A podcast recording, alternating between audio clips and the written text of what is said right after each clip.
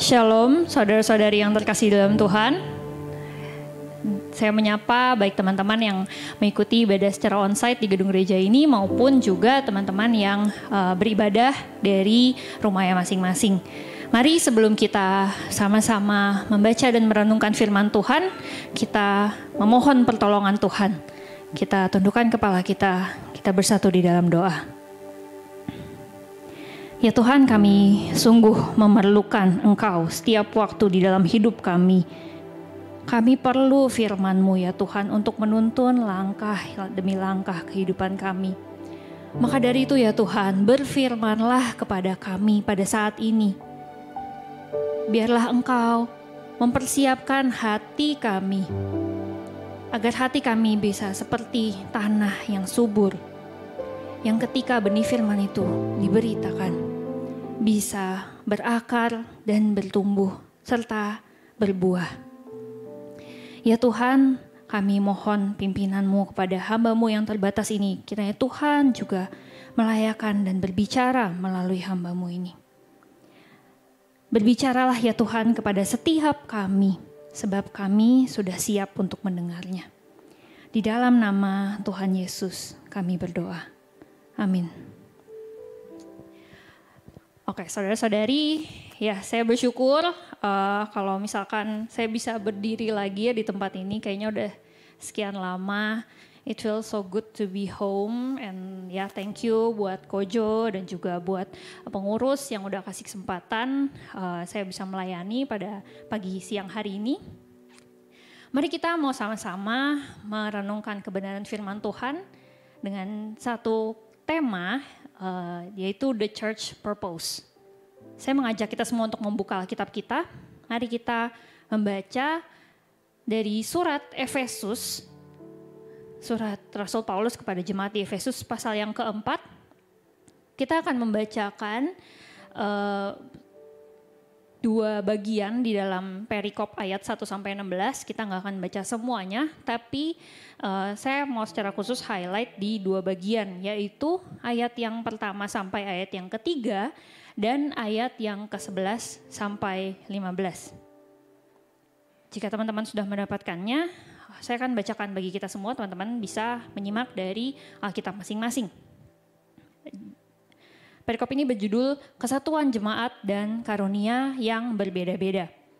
Sebab itu aku menasihatkan kamu, aku orang yang dipenjarakan karena Tuhan, supaya hidupmu sebagai orang-orang yang telah dipanggil berpadanan dengan panggilan itu.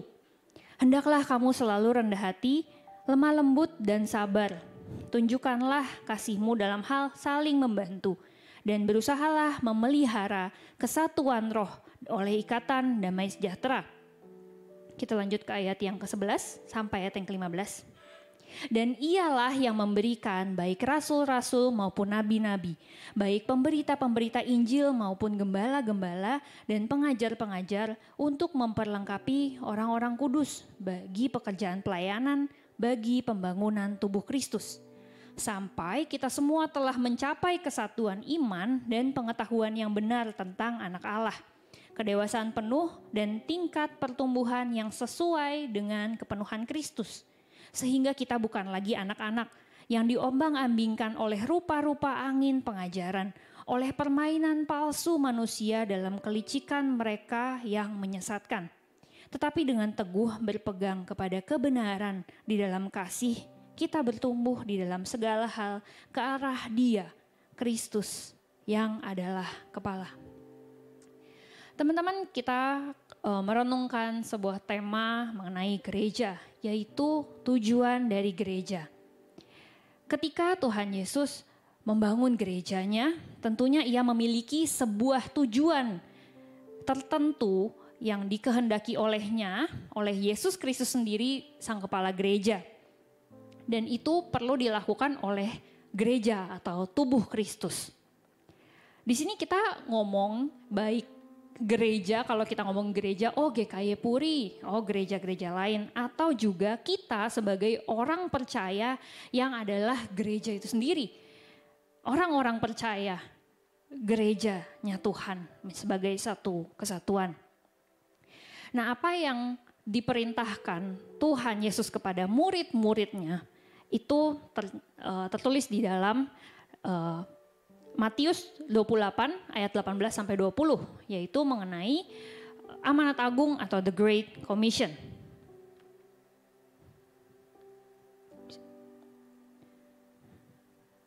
Oke, okay, kayaknya nggak jalan slide ya.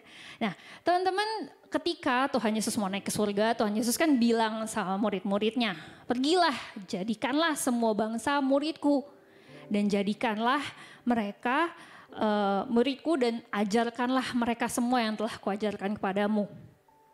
Terus mereka juga sebagai murid Kristus harus menjadi saksinya Tuhan dan juga membaptis orang-orang percaya di dalam nama Allah Tritunggal. Teman-teman, semua ini diberikan oleh Tuhan sebenarnya ya bagian dari tujuan utama Tuhan Yesus itu datang ke dalam dunia, yaitu untuk menyelamatkan manusia.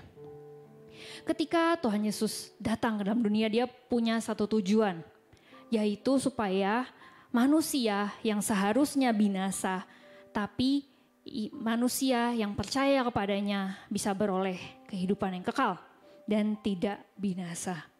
Dan keselamatan itulah yang akhirnya juga menjadi uh, berita utama dari Injil, amanat agung yang tersebar ke seluruh dunia yang Tuhan kehendaki untuk murid-muridnya itu ceritakan dan saksikan kepada orang-orang, terutama tentunya orang-orang yang belum percaya.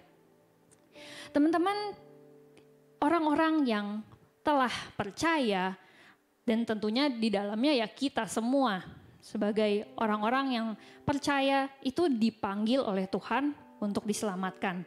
Dan ketika kita dipanggil untuk diselamatkan, kita itu dipanggil memasuki satu kehidupan yang baru. Di Efesus ayat 4 ayat 1 ini juga ya Paulus ngomong bahwa ketika kita itu diselamatkan, orang yang telah dipanggil untuk diselamatkan itu hendaklah hidup kita berpadanan dengan panggilan itu. Hidup kita sebagai orang percaya harusnya sesuai dengan keselamatan dari Allah yang telah kita terima. Teman-teman, ketika seseorang yang benar-benar udah lahir baru, pasti dia punya uh, satu dorongan dari Tuhan untuk meninggalkan kehidupannya yang lama. Ketika kita belum percaya pun mungkin kita juga memiliki satu manusia lama kita yang ketika kita diselamatkan, ketika kita lahir baru, Tuhan tuh ingin kita meninggalkan itu. Ya, kalau misalkan teman-teman meneruskan pembacaan ke dalam Efesus pasal yang keempat ayat yang ke-17 sampai seterusnya itu juga menyatakan bahwa ya sebagai manusia yang baru itu kayak gimana sih? Yaitu ya udah meninggalkan kehidupan manusia yang lama dan hidup berpadanan sebagai manusia yang telah diselamatkan. Jadi ketika kita sebagai orang percaya itu dipanggil Tuhan untuk menjadi orang Kristen di tengah dunia ini, Tuhan ingin kita hidup sesuai dengan keselamatan itu. Makanya kita ya sebagai gereja ya sebenarnya secara garis besar bahwa kita itu harus punya hidup yang sesuai dengan keselamatan itu. Harus mencerminkan orang yang udah diselamatkan itu kayak apa sih bukannya udah diselamatkan tapi hidupnya juga masih sama aja kayak orang yang tidak percaya kepada Tuhan. Manusia yang sudah diselamatkan hidupnya bukan lagi untuk dirinya sendiri tapi untuk Tuhan.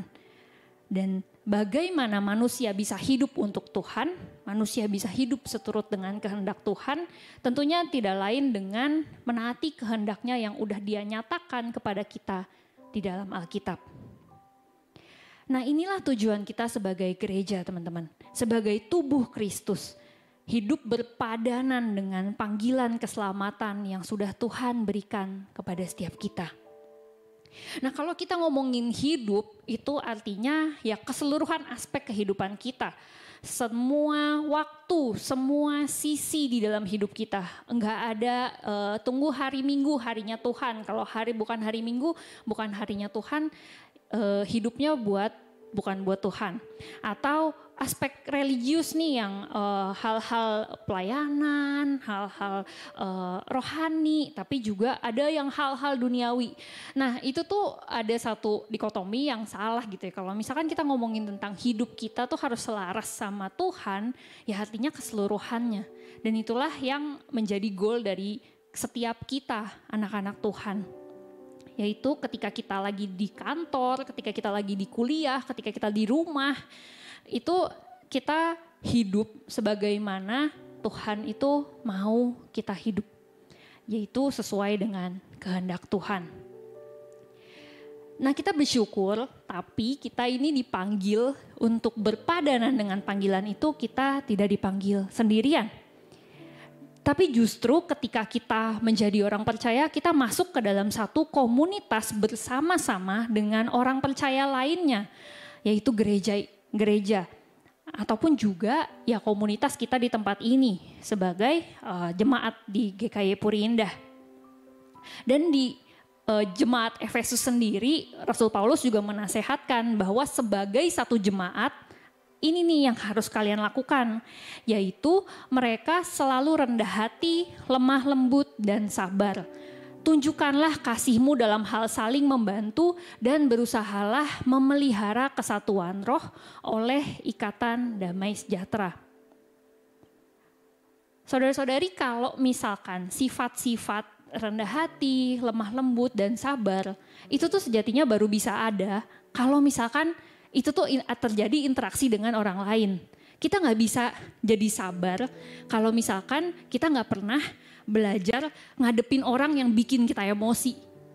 Atau kita nggak bakal bisa mempraktekkan lemah lembut kalau nggak nggak kalau nggak sama orang lain kan? Masa kita lemah lembut sama diri kita sendiri gitu kan ya? Dan juga ketika kita ngomongin menunjukkan kasih saling membantu itu kan pasti ada objeknya gitu kan ya? Nggak mungkin sa saling membantu membantu diri sendiri gitu kan ya? Ya kalau misalkan kayak gitu ya makanya Tuhan itu uh, memanggil kita sebagai satu keluarga ya Allah di dalam gereja kita dan kita juga perlu untuk memelihara kesatuan. Yang artinya di sini kalau misalkan yang namanya memelihara kesatuan itu nggak ada lagi sendiri-sendiri, nggak ada lagi keterpisahan ataupun ada orang-orang yang merasa tidak dilibatkan atau excluded. Tapi justru berusaha memelihara kesatuan roh itu artinya ada satu energi yang digunakan untuk sesama tubuh Kristus itu bisa saling merangkul, saling berjuang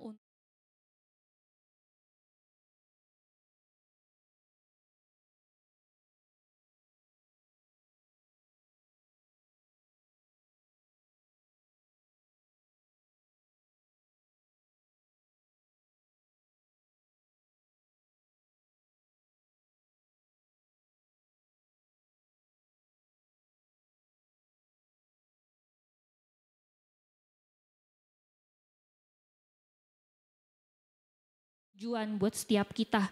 Untuk setiap kita ambil bagian di dalam pekerjaannya Tuhan.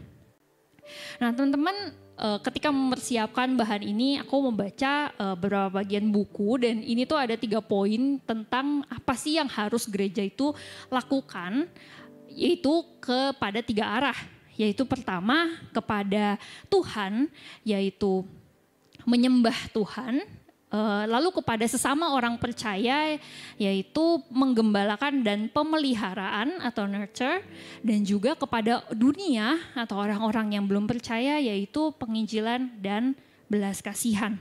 Dan ketiga fungsi ini juga tentunya perlu dikerjakan oleh gereja oleh gereja secara uh, komunitas ataupun secara kita sendiri secara seimbang kita nggak bisa di dalam hidup kita kayak oh oke okay, aku cuma mengembalakan mengembalakan gitu. Tapi nggak pernah menginjili ataupun juga menyatakan belas kasih. Ini harus dijalankan dengan seimbang. Nah secara singkat bahas poin yang pertama yaitu worship kepada Tuhan. Ketika kita uh, dipanggil oleh Tuhan menjadi umatnya kita ini uh, hidup senan, sepantasnya kita senantiasa menyembah Allah kita Tuhan kita. Dan ini juga bukan hanya kita lakukan ketika hari Minggu kita beribadah, baik itu di gereja secara onsite maupun online streaming, tapi juga di dalam ibadah-ibadah pribadi kita. Ketika kita saat teduh, kita menyembah Tuhan, kita memuji Tuhan, ataupun juga dengan uh, seperti yang dikatakan di Paulus di Roma, ya Roma 12, yaitu kita mempersembahkan hidup kita sebagai persembahan yang hidup Nah itu adalah ya artinya semua aspek kehidupan kita itu kan tadi kan udah dibilang ya berpadanan dengan panggilan itu. Itu juga kita serahkan sama Tuhan.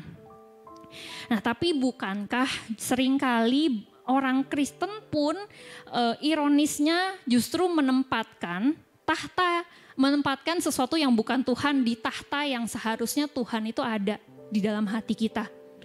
Mungkin yang ditempatkan di sana adalah orang, orang lain.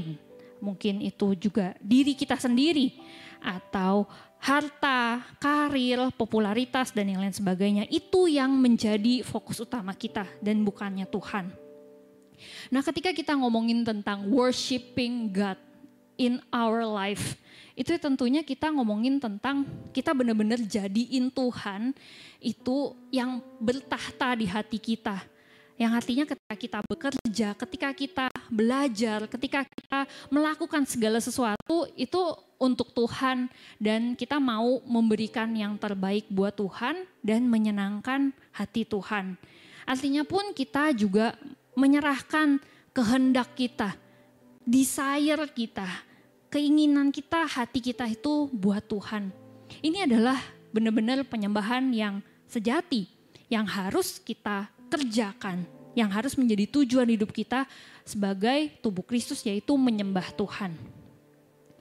Nah, yang kedua yaitu kepada sesama orang percaya yaitu penggembalaan dan juga pemeliharaan.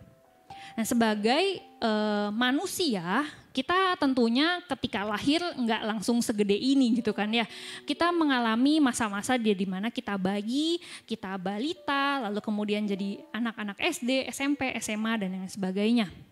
Nah, orang tua kita ketika kita lahir itu memberikan nutrisi-nutrisi yang baik, mulai dari mengusahakan ASI, lalu kemudian e, naik tingkat jadi makanan-makanan bayi yang lunak sampai bisa makan nasi padang yang enak itu.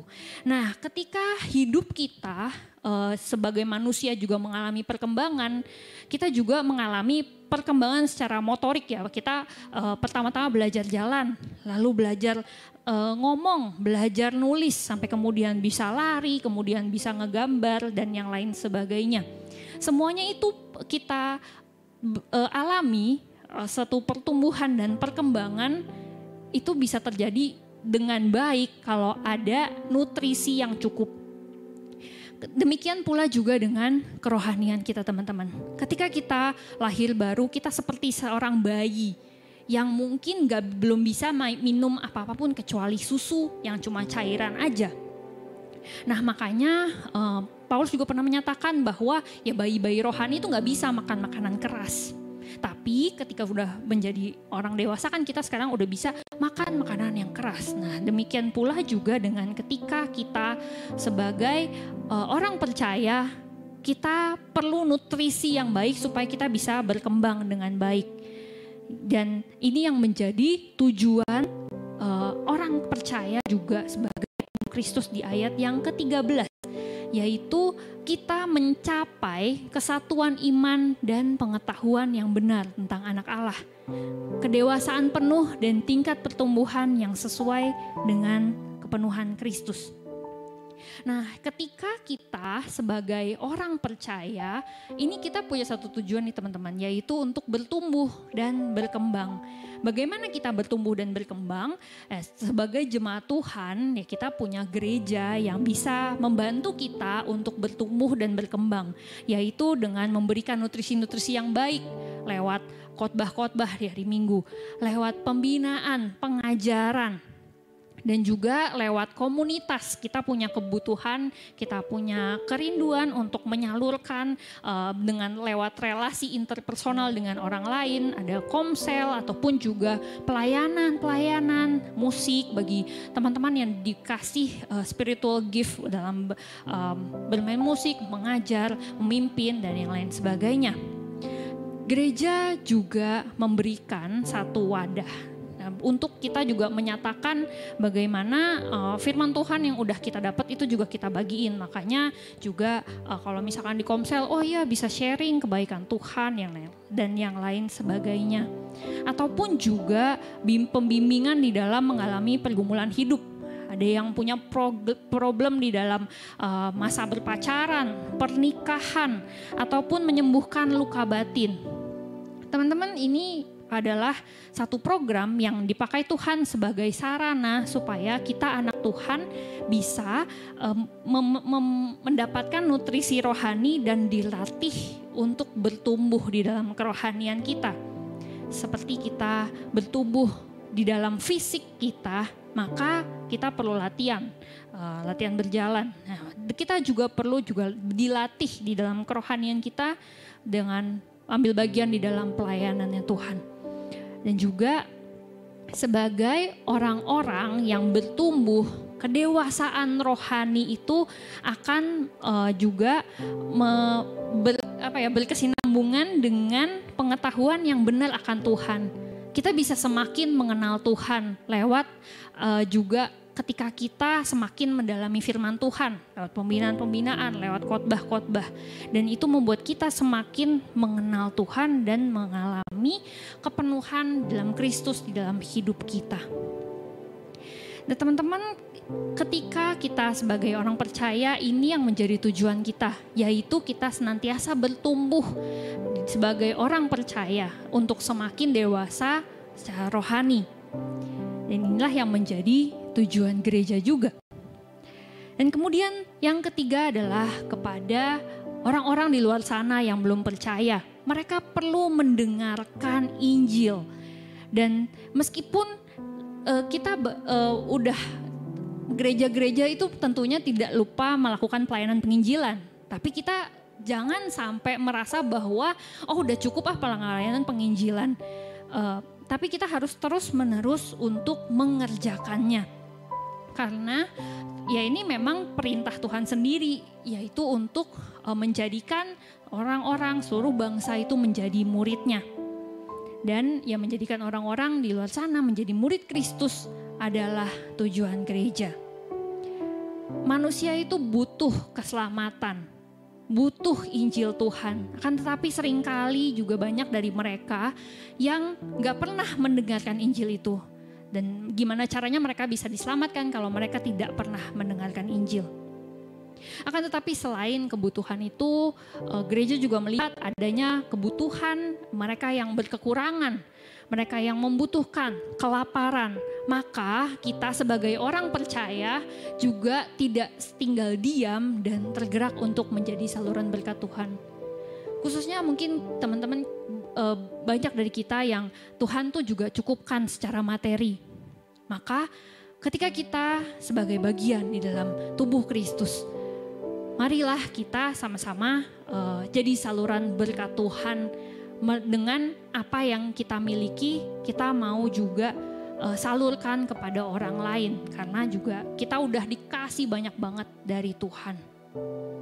Nah, eh, dengan kita membantu orang lain, tujuan utamanya sebenarnya satu, yaitu untuk mengabarkan bagaimana Tuhan Yesus itu baik loh. Tuhan Yesus itu memberkati kita loh. Makanya ini kita juga mau jadi saluran berkat buat orang lain. Baik mereka yang sesama orang percaya ataupun orang-orang yang belum percaya. Sehingga mereka bisa mengenal Kristus dari kehidupan kita. Nah, lalu bagaimana gereja mencapai tujuannya di tengah budaya kontemporer? Nah, memang budaya itu pasti memberikan pengaruh ya di dalam pertumbuhan gereja masa kini. Dan pengaruhnya juga bisa pengaruh yang baik ataupun juga pengaruh yang tidak baik. Nah, kan tapi kalau misalkan kita ngomong uh, budaya kontemporer itu bisa nggak sih menghambat tujuan gereja atau apa yang harus gereja kerjakan di tengah dunia masa kini. Ya, itu bisa aja dipakai oleh iblis gitu. Ketika kita mulai berpikir atau kita mulai merasa bahwa ah ya udahlah nggak apa-apa lah ya ibadahnya kan online kita nggak usah sungguh-sungguh siapin hati atau ya udahlah nggak apa-apa lah uh, jadi orang Kristen yang gitu-gitu aja uh, yang nggak bertumbuh yang gak ada waktu nih buat pembinaan gitu-gitu, pelayanan saat teduh baca Alkitab doa karena sibuk sama yang lain. Atau ya udahlah orang-orang agama lain itu tuh nggak uh, bakal mungkin terima kalau kita ngomongin tentang Tuhan Yesus. Adanya kita bilang kristenisasi terus dihujat atau bahkan mungkin dipersekusi. Kalau kita maksain orang itu harus percaya sama agama kita. Ketika kita percaya dengan hal-hal yang ber, kita berpikir kayak gitu lalu kemudian ya udahlah udahlah kita nggak usah lah kerjain uh, kita harus menginjili kita harus uh, hidup bertumbuh di dalam kerohanian kita. Nah itulah yang membuat gereja tujuannya bisa nggak tercapai nih saudara-saudari. Makanya uh, kita sebagai uh, tubuh Kristus kita perlu uh, dua hal yang saya rangkumkan yaitu pertama ketekunan atau persistence. Yaitu ketika kita menghadapi kesulitan di dalam kita mau sungguh-sungguh menyembah Tuhan atau bertumbuh secara rohani ataupun menginjili dan menyatakan belas kasihan. Kita perlu ketekunan yang meskipun kita gagal, kita jatuh sekalipun, kita terdistraksi oleh godaan kesenangan duniawi, kita tuh tetap tekun dan setia melakukan kehendak Tuhan dan mengerjakan bagian kita supaya Tuhan itu bisa dimuliakan lewat hidup kita. Dan e, tentunya yang utama dan yang penting adalah anugerah Tuhan. Kita adalah manusia yang lemah dan ketekunan kita pun pasti tidak akan sempurna tapi Tuhan sendiri yang akan memberikan kepada kita. Karena di ayat 11 sampai 12 dikatakan bahwa ialah Kristuslah yang memberikan baik rasul-rasul maupun nabi-nabi, baik pemberita-pemberita Injil maupun gembala-gembala dan pengajar-pengajar untuk memperlengkapi orang-orang kudus bagi pekerjaan pelayanan, bagi pembangunan tubuh Kristus. Maka saudara-saudari kita perlu selalu meminta kepada Tuhan untuk menolong kita, untuk kita bisa tetap setia sama Tuhan. Kita bisa punya kerinduan untuk bertumbuh di dalam Tuhan, dan kita bisa juga menyatakan tentang Kristus itu bagi orang-orang di sekitar kita, di lingkungan kita, di keluarga kita, dan itu juga terpancar secara tulus karena memang kita benar-benar punya hati yang terpaut sama Tuhan yang menyembahkan mempersembahkan hidup kita buat Tuhan dan sebagai satu tubuh Kristus kita bisa mengerjakan itu untuk kemuliaan nama Tuhan dan untuk kerajaan Tuhan yang bisa semakin dinyatakan di dalam dunia ini. Teman-teman mungkin sering kali juga kita mengalami kegagalan di dalam melakukan firman Tuhan kan. Tapi kita punya Tuhan yang beranugerah kepada kita sehingga kita masih bisa dapat kesempatan lagi. Setelah kita pulang dari sini, mari kita berkomitmen untuk kita mempersembahkan hidup kita buat Tuhan dan di dalam apa pun yang kita kerjakan, itu kita kerjakan untuk memuliakan nama Tuhan. Kiranya Tuhan menolong kita Mari kita tundukkan kepala kita, kita bersatu di dalam doa. Ya Tuhan, kami anak-anakmu, sebagai orang-orang yang telah dipanggil untuk diselamatkan, kami bersyukur ya Tuhan atas keselamatan yang telah Engkau berikan. Kami mohon ampun ya Tuhan, mungkin sering kali kami tidak hidup berpadanan dengan panggilan Tuhan. Mungkin kami mengecewakan hati Tuhan. Kami memohon ampun ya Tuhan